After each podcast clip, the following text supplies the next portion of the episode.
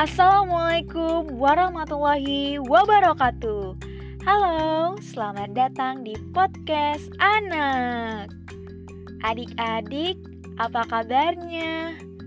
Udah bosen belum belajar di rumah terus? Hmm, sabar ya adik-adik. Meskipun belajar di rumah, adik-adik harus tetap semangat. Agar belajarnya semakin semangat, yuk denger podcast kakak yuk. Podcast kali ini kita akan belajar tentang pantun. Hmm, mendengar kata pantun pasti adik-adik sudah tidak asing nih, iya kan? Atau jangan-jangan asing mendengar kata pantun? Aduh, gawat kalau gitu. Jadi, pantun adalah puisi Melayu lama asli Indonesia yang terdiri dari sampiran dan isi dengan rima ABAB atau AAAA. Nah, adik-adik, kata pantun berasal dari bahasa Jawa kuno, yaitu tuntun yang berarti mengatur atau menyusun. Nah, pantun adalah sebuah karya yang tidak hanya memiliki rima dan irama yang indah, namun juga mempunyai makna yang sangat penting. Adik-adik, pantun itu awalnya merupakan karya sastra Indonesia lama yang diungkapkan secara lisan atau dari mulut ke mulut.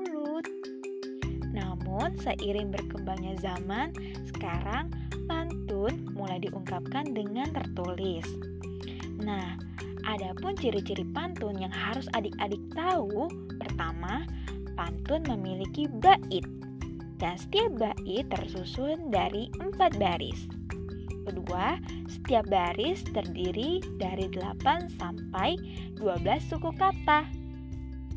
Ketiga, setiap baris terdiri 4 sampai 6 kata. Nah, setiap bait pantun terdiri atas sampiran dan isi. Nah, sampirannya dua baris dan isinya dua baris. Sampiran dua baris pertama dan isi dua baris ketiga dan baris keempat. Dan pantun bersajak ABAB atau AA. AA yang seperti kakak bilang tadi.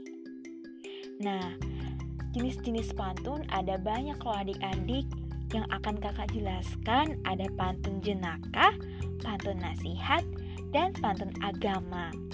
Nah, pantun jenaka itu adalah pantun yang berisi mengenai sesuatu yang lucu.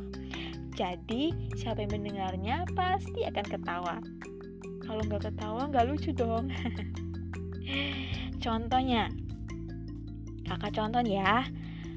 Berenang jauh ikan pari, sebesar dulang, sebesar kendi. Kamu cantik bagaikan bidadari. Tapi sayang, kamu malas mandi. Ayo siapa yang jarang mandi?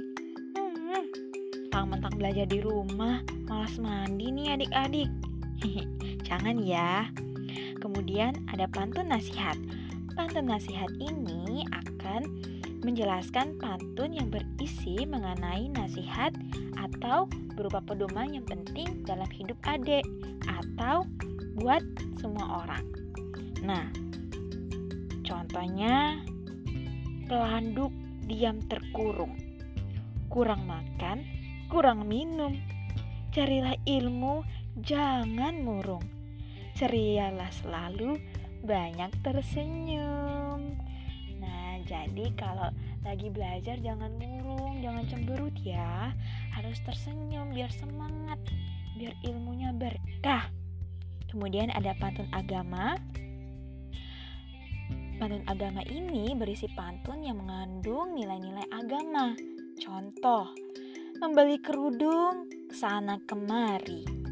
Ternyata banyak di kelurahan Seri Menanti. Membaca Al-Quran harus memahami arti agar cahaya Allah selalu menerangi hati. Nah, adik-adik gimana nih? Udah mulai paham kan tentang pantun? Jadi adik-adik dengan belajar pantun kita menjaga kelestarian budaya asli Indonesia. Adik-adik jaga terus ya budaya Indonesia. Jangan sampai diakui negara lain. Aduh, kita harus bangga dengan budaya negeri kita. Nah, sampai di sini dulu ya adik-adik. Kakak akhiri, wassalamualaikum warahmatullahi wabarakatuh.